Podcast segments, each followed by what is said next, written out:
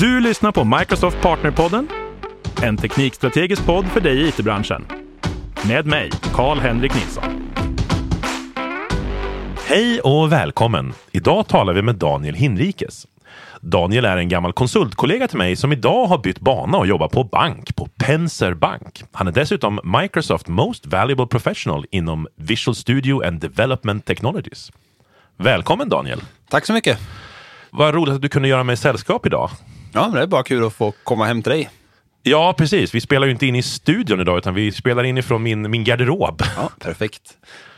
Kläder som tar upp all, all ljud. Precis. Det var 15 år sedan sist vi satt ner i en garderob och spelade elgitarr. Ja, då hade vi inga kläder. Så det ekade nog väldigt mycket där. Vi får se det här som att det här är uppföljningen på den gången vi sa att vi skulle spela in tillsammans igen. Vi tar det där igen. Vi hade kläder på oss, men vi hade inga kläder runt oss. Precis, pre- så var det. Vi hade kläder på oss, men vi hade inte kläder runt oss. Varmt välkommen hör du. Tack så mycket. Jag har ju inte bjudit hit dig för att prata om elgitarrer och sådana saker, även fast du är väldigt duktig på det. Utan jag har ju bjudit hit dig för att prata om ditt andra specialistområde. Vilket är ju är, för mig i alla fall, Samarin och numera även Maui. Du driver ju en eh, YouTube-kanal där du pratar mycket om Maui och sådär. Är intresset stort? Ja, jag tycker att det är ganska stort, framförallt utanför Sverige skulle jag säga. Att, eh, men eh, när vi var på Svetug i Stockholm så kändes det som att intresset var faktiskt större i Sverige än jag trodde att det var också. För det var många som kom på de sessionerna som var om Maui.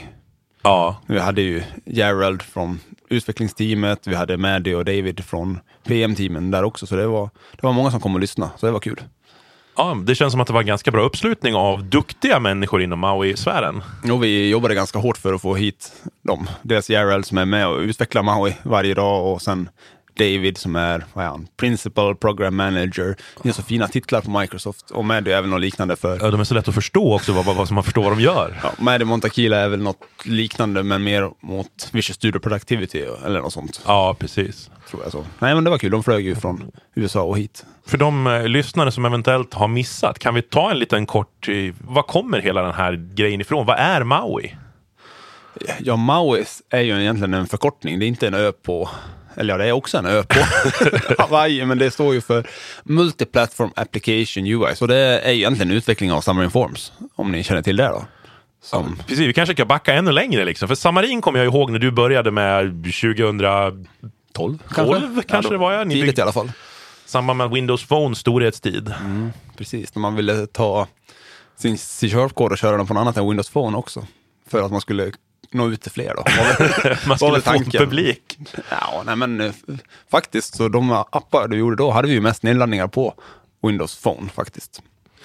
Precis. Ja, så Samarin, det är en cross-plattform utvecklingsramverk. Ja, Xamarin i sig är väl egentligen bara ett abstraktionslager uppe på iOS och Android och Mac kan man säga. De har gjort bindings så du kan använda C-sharp mot de native API-erna som finns där. Sen har vi Xamarin Forms byggt uppe på det och det är ju som du säger, det är med ett cross-plattform-ramverk för att abstrahera ännu mer så att det ska vara gemensamt UI för alla plattformar också. Så det är ju ett renderingslager, eller ett mapper-lager uppe på. Hur mappar Maui in i det här för Samarin-historien så att säga? Ja, Microsoft eh, köpte ju upp Xamarin 2016, tror jag. Och där någonstans började de väl det här stora Unification-projektet av .NET. Det innefattade ju egentligen inte bara Xamarin, men det blev ganska naturligt att man började dra igång det då. Men man hade .NET standard ett tag. Och sen nu då med .NET 5 skulle det vara den stora Unification-releasen. Men Gick sådär. det, det gick sådär, men då kom ju pandemin däremellan också. Och, eh, men Maui var ju tänkt liksom, att vi ska släppa det här med .NET 5. Vi bygger det på några månader, lät det ju som från början.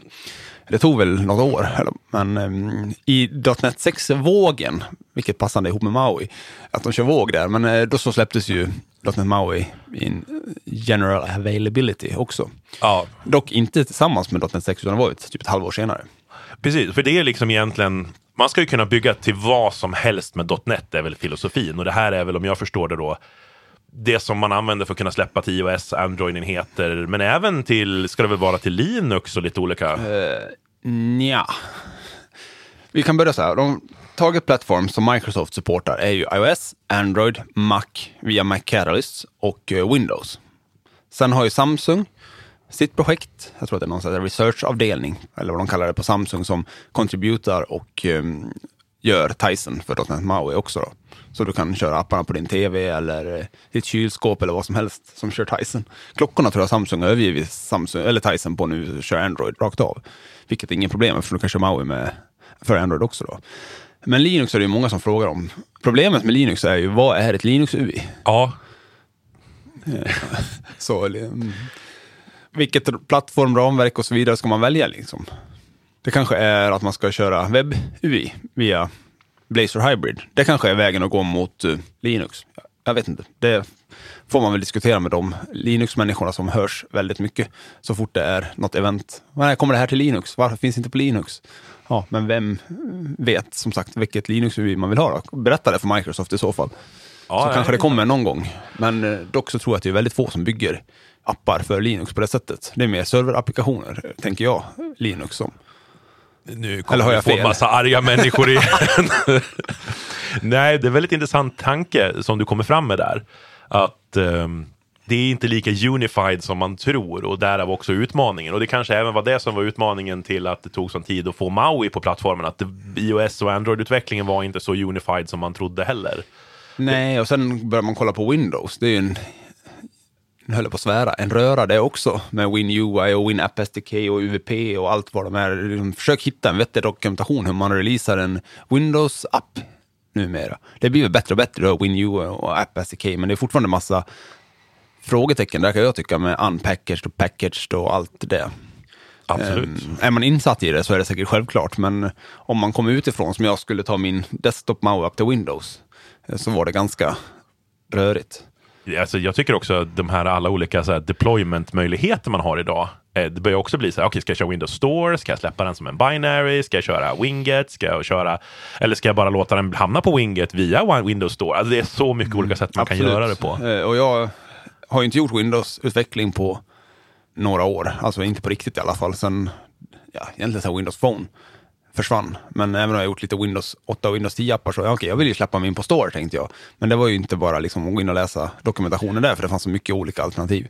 Men du som har kodat väldigt mycket just eh, Maui då, och Xamarin framför allt, som du har byggt mycket appar för. Om jag har en eh, Xamarin-app som jag vill migrera till Maui, hur svårt är det och, och vart börjar jag där? Det beror ju lite på vad du har för app såklart, hur svårt det är. Men eh, generellt så är det väl ganska enkelt skulle jag säga. Det byta lite namespaces. Alltså i grunden är det ju det, men strategin är ju, finns egentligen två alternativ. Antingen kör du Windows, nej, vad heter den? .NET Upgrade Assistant. Ja. Den kan ju hjälpa dig och se vad du kan göra. Den kommer ju ta projektfiler och eh, fixa namespace och sånt. Jag har precis kommit någon preview för Mac också. Men jag vet inte om jag skulle välja den vägen. Det enklaste skulle jag säga är att skapa ett nytt projekt, sen kopiera över koden, kör copy-paste och repl- eller replace på namespacen. Jag tror att det är vägen att Och, gå. och det funkar ofta. Ja, det skulle jag säga. Jag har precis börjat migrera en app som jag hade i Xamarin Forms och då har jag just gjort det. Eh, tagit nytt, skapat ett nytt projekt, för projektfilsformatet är ju nytt. För eh, om man jämför med Xamarin Forms så är det nytt, för det använder det här gamla .NET-projekttypen. Eller Visual Studio-projekttypen kanske man ska säga till och med. Men eh, .NET MAUI använder ju, vad heter de, SDK-styled project, brukar de referera det till. Så det behöver man ju egentligen skapa om. Det går ju att rensa filer, men det är ju så mycket skit i de här gamla projektfilerna. Så skapa ett nytt projekt, lyft över steg för steg, få allting att fungera innan man börjar refaktorisera och göra nya saker skulle jag säga. För det, annars kan man hålla på i evigheter. Det är inte rätt tillfälle att liksom göra appen bättre. Börja med att få den att fungera likadant. Ja, precis. Det är inte nu du ska lägga till nya features eller det är inte nu du ska liksom, åh, det där grejen, tekniska skulden skulle jag rätta till, utan nu ska vi bara få den up and running. Ja, Liksom. precis. Få den up and running. Sen kan du såklart göra det. Du behöver inte releasa den bara för att du får den up and running. Om du har en fungerande app i App Store. Men eh, förmodligen kanske du vill det ändå för att du vill targeta någon ny iOS-version till exempel och så vidare. Men annars, det största problemet man kan stöta på är ju om man använder något tredjepartsbibliotek som inte stödjer antingen MAUI eller nya versioner av .NET. Är det ett eh, kodbibliotek som stödjer .NET standard så är det ju inget problem. Men om vi säger att det är ett specifikt kodbibliotek för Mono Android XXX, så då kan det ju bli problem. För du måste ju ha det upp på .NET 6 eller .NET 7 då, .NET 6 and, Android eller .NET 7 Android. Så, och lika med UI-bibliotek. jag vissa av de större komponentbiblioteken har ju inte alla komponenter för .NET MAUI än. Till exempel, det var en av sakerna som jag stötte på i när jag skulle migrera nu, att den här um, UI-biblioteket som jag använt en del komponenter för, de finns inte än för MAUI. Vilket jag tycker är, är lite synd. Och då har inte de valt vägen att, för det finns ju någonting som heter Compatibility Renders. MAUI har ju byggt om sitt sätt att mappa MAUI-komponenter till native-komponenter jämfört med Xamarin Forms. Xamarin Forms har ett koncept med renders och MAUI har handlers. Det är egentligen samma sak med dem. Arkitekturen är lite förändrad, men Ja, konceptet men- är ju detsamma. Men om man använder det så kan det bli en utmaning i att migrera så att säga. Ja, men det finns något som heter compatibility renders som gör att man kan ta de gamla renderarna eller renders och använda dem även i MAUI. Men det har inte de här äh, valt att göra, utan de har valt att de vill göra det liksom på riktigt för MAUI. Då. Vilket jag förstår också, men samtidigt är det en stor aktör. Varför gör man inte snabba vägen också och gör att okej, det här funkar på MAUI. Men sen kan vi jobba med att få det bättre, för det, utvecklare vill ju upp på MAUI kan jag känna, liksom, för att fortsätta sina utveckling. Sen kan man ju, så länge man inte ändrar API-erna, så skulle man ju kunna ta dem steg för steg som de antar att de gör just nu. Ja. ja, men det är som vi brukade säga förr i världen, att man har ju ändå ett ansvar att se till att appen är uppdaterad. För att du kommer att installera mjukvara på någons telefon och, och då ska du ju ha säkerhetsnivån på en... Alltså det är, innebär ju också uppdaterade appversioner. Liksom. Yes. Men sen ska vi inte glömma att Xamarin Forms är ju fortfarande supportat Absolut. till ganska länge, undrar om det är någon gång under 2024 tror jag. Tror jag. Ja, Vi brukar ha ganska generösa sådana där tider när vi ändrar oss och, och lägger till grejer.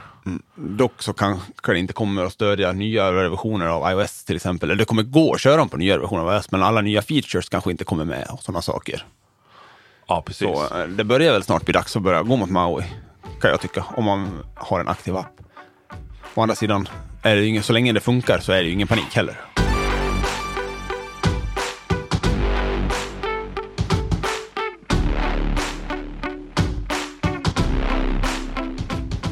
När vi byggde appar ihop sist, vilket jag börjar inse är väldigt, väldigt länge sedan, det är i alla fall fem år sedan, mer. Det är lite Mm. Ja, mer än fem år sedan i alla fall. stämma. Då fanns det ju tillfällen då man var tvungen att skriva native iOS-kod eller native Android-kod för att få grejerna att funka. Mm. Har det blivit bättre? Jag antar att det har blivit bättre de senaste fem åren. Det har blivit betydligt bättre, måste vi säga bättre. Du behöver göra det mycket mindre, men du har ju fortfarande den möjligheten. Och jag tycker att det är en styrka också att man kan göra det. Att du kan göra det med C-sharp jämfört med andra ramverk där du måste, ja men jag vill måste göra det här för iOS, då måste jag gå in och köra lite Objective-C eller Swift eller sånt. Ja. Det behöver du inte med .NET. Du kan ju skriva det med C-sharp eftersom API-erna är mappade rakt över. Men visst, det skriver jag mycket mindre native kod nu än jag gjorde när jag, Xamarin Forms kom 2014. Då fick man ju göra custom renders för det mesta för att få det som man ville. Men det behöver man ju inte alls längre. Nej, jag har faktiskt fått in en lyssnarfråga angående just eh, Maui och, och de här applikationerna. Och det händer inte så ofta, förmodligen för att vi inte har en dedikerad e-postadress till den här podden. Men det är alltid roligt när det händer. Ja. Och då frågar de så här, just hur svårt det är om man har byggt två native-appar. Alltså om man har byggt en app med en native iOS, man har byggt en native Android-app och börjar inse att det här var inte riktigt vad vi borde ha gjort. Hur svårt är det att migrera dem?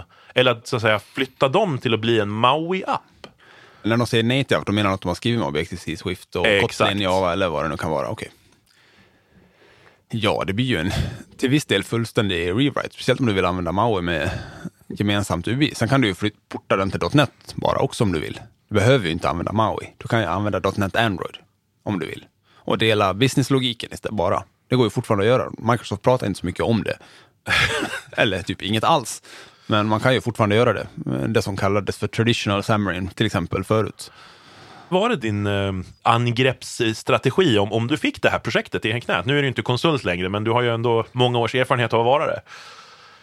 om jag skulle skriva om det från början, då är det bara att börja köra i Maui och bygga upp UBIT och liknande som har varit. Sen, ja, men först köra så det ser bra ut på iOS och sen anpassa för Android eller tvärtom till exempel. Det, för oftast har man ju en första plattform. Det blir ju naturligt beroende på vad man har för enheter själv. Och oftast har den Max, så tycker jag det är snabbare att jobba med iOS-emulatorn än med Android-emulatorn. Även om den har blivit mycket, mycket bättre på senare år.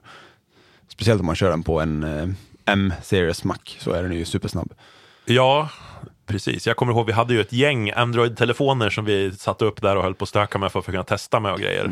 Sen går det ju faktiskt att skapa bindings mot eh, kod du har också. Precis som Microsoft gör med eh, .NET mot eh, de biblioteken som Apple bygger, eller de API-erna som Apple bygger, så går det ju att göra det mot egna bibliotek också. Alltså kunna återanvända min eh, Swift-kod. Ja, framför liksom businesslogiken, om du har någon form av bibliotek som du vill använda även med .NET så går ju det. Det är lite bökigt att göra det.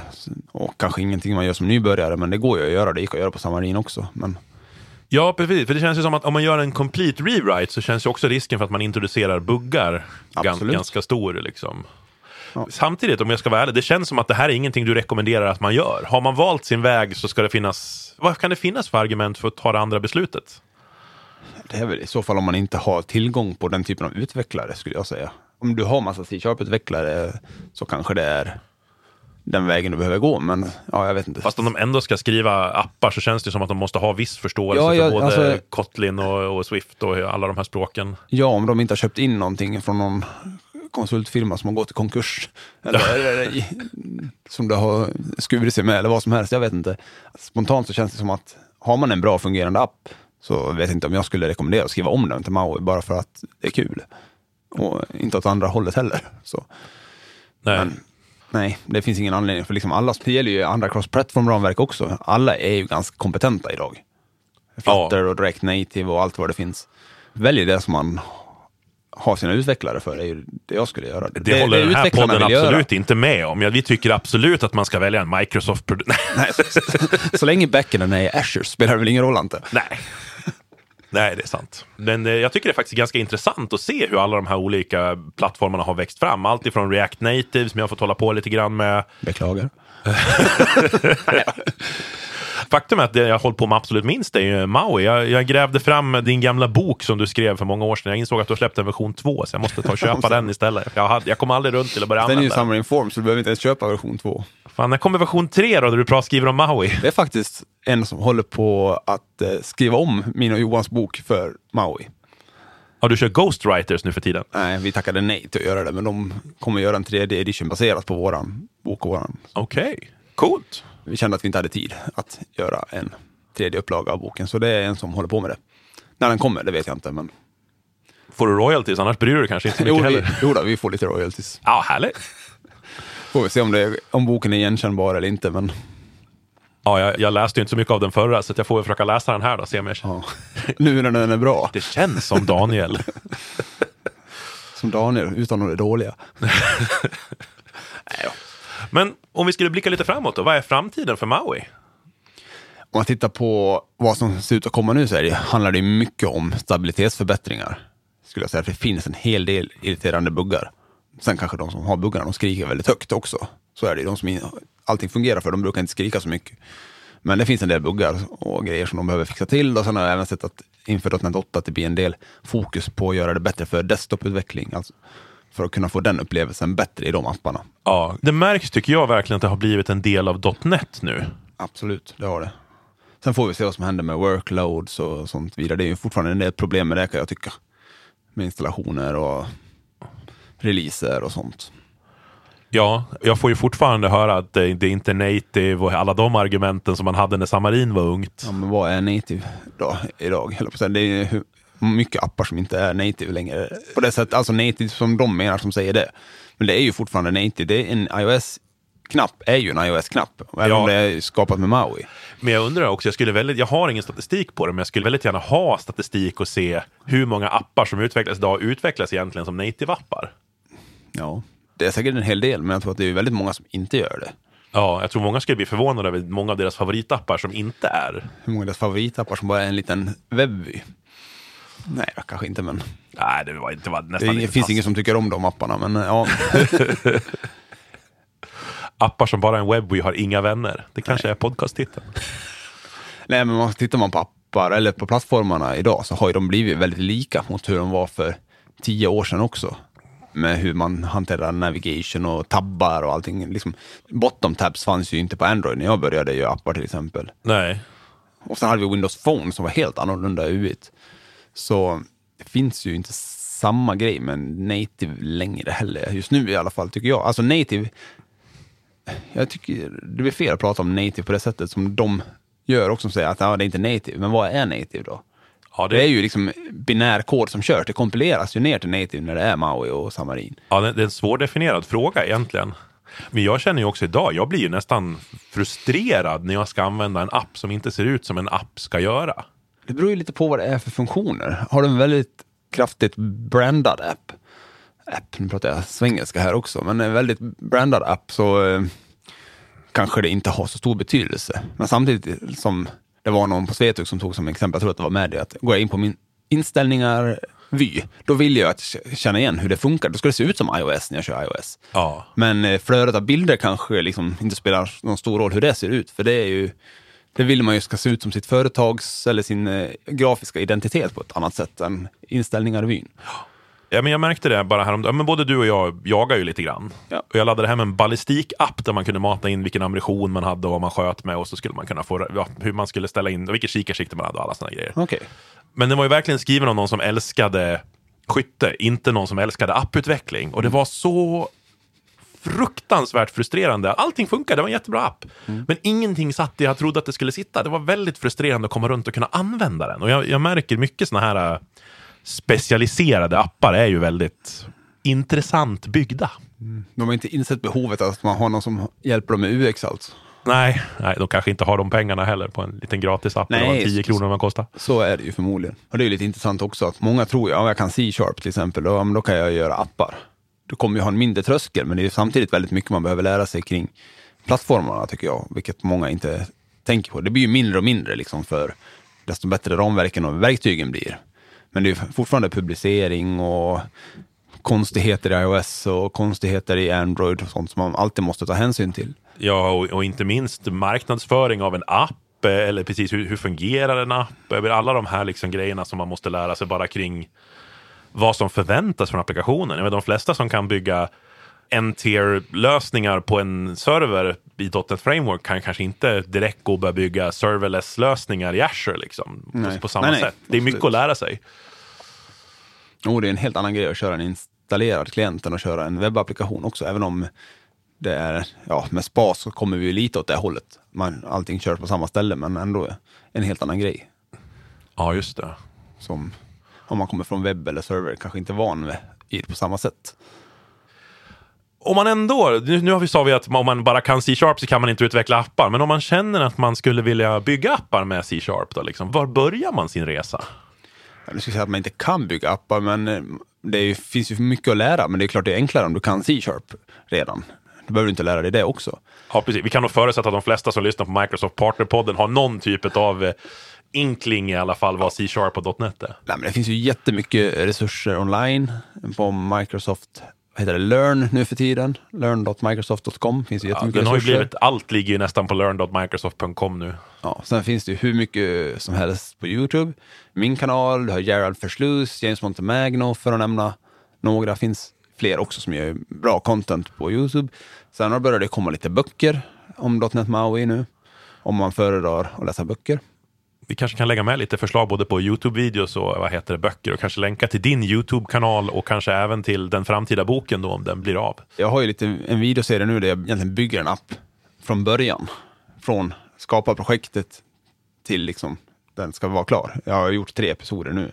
Men det kommer fler också så man kan liksom följa alla steg. Alla tankar och alla val, varför man gör saker och så vidare. De kanske blir lite långa men samtidigt får man ju med sig allt. Tänk i val och så vidare. Många Youtube-videos säger man så här gör det så är det väldigt isolerat. Jag har ju sådana också, liksom hur man gör, hanterar eh, collection view. Men det ger ju liksom inte helheten hur man kommer igång och bygger en app på samma sätt som om man tittar på någon som gör någonting på riktigt. Nej, precis. Det ska jag kolla in. Det kanske är lättare för mig att konsumera det än att läsa en hel bok om hur man utvecklar Maui. Alla lär sig på olika sätt, så det är bra att det finns olika alternativ. Absolut. Du, jättestort tack för att du tog dig tid att komma hit idag Daniel. tack så mycket. Superintressant att höra lite om Maui. Du har lyssnat på Microsoft Partnerpodden med mig, Karl-Henrik Nilsson. Som vanligt hittar du information och resurser på aka.ms partnerpodden.